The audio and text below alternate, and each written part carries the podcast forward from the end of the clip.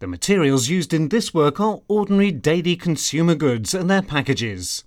Produced directly to address humankind's consumption needs, these objects and their packages can inhabit various points within the manufacturing consumption cycle.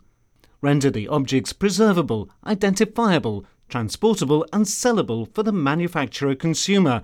The packaging, having completed its function, then becomes waste to take care of.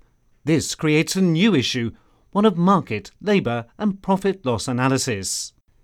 Humankind now faces the reality of a new status which must be built upon a natural basis and the principles of ecological interest and raising awareness regarding living in harmony with nature.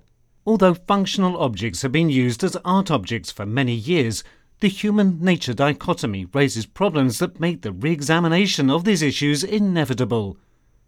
For centuries, there have been artistic approaches that touch on these issues in various ways, with forms born out of visual struggle against themselves, the reinterpretation of objects with predetermined meanings through new forms, the presentation of the ready made object as an art object and the art object born out of the congregation of functional objects.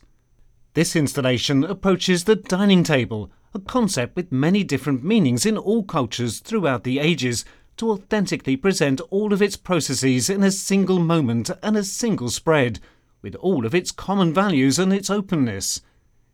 It is a presentation, a table setting that takes the concept itself, which is the merging of a form and a behaviour, to drive the reutilization of objects which have lost their functions through a direct display, thereby exposing the claimed narrative with its other side, even as its whole being through a pattern of its inception, the current moment, and the aftermath.